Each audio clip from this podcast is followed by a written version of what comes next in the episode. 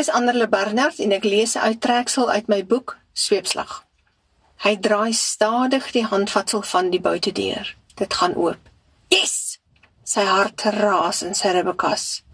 Iewers hoor hy 'n klikgeluid. Hy versteen. Luister. Hoor hy iets? Nee. Net Bullet se gewerskaf buite.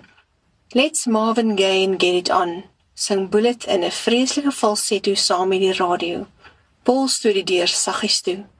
Erkie Brein staan op sy knieë met sy rug na Paul gedraai. Hy het 'n skroewedraaier in die hand. Net buite die kombuisdeur lê 'n verdwaalde baksteen. Paul se hand vou om die baksteen.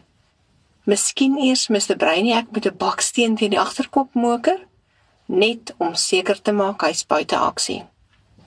Om dan keel afsny soos 'n vark. Paul huiwer. As Bullet omdraai en hom sien, is sy hele plan in sy maai. En Erkie Brein het 'n skedel so dik soos 'n cricketkolf. Van sy IQ neem beslis nie baie spasie in beslag nie. En as daai te maai vingers hom beet kry, stoot hy vandag nog wolke rond. Hy sit die baksteen weer saggies neer. Vergeet vereers van wraak. Hy moet wegkom. Nou.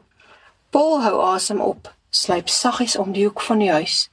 Sy hart bons soos 'n pingpongballetjie.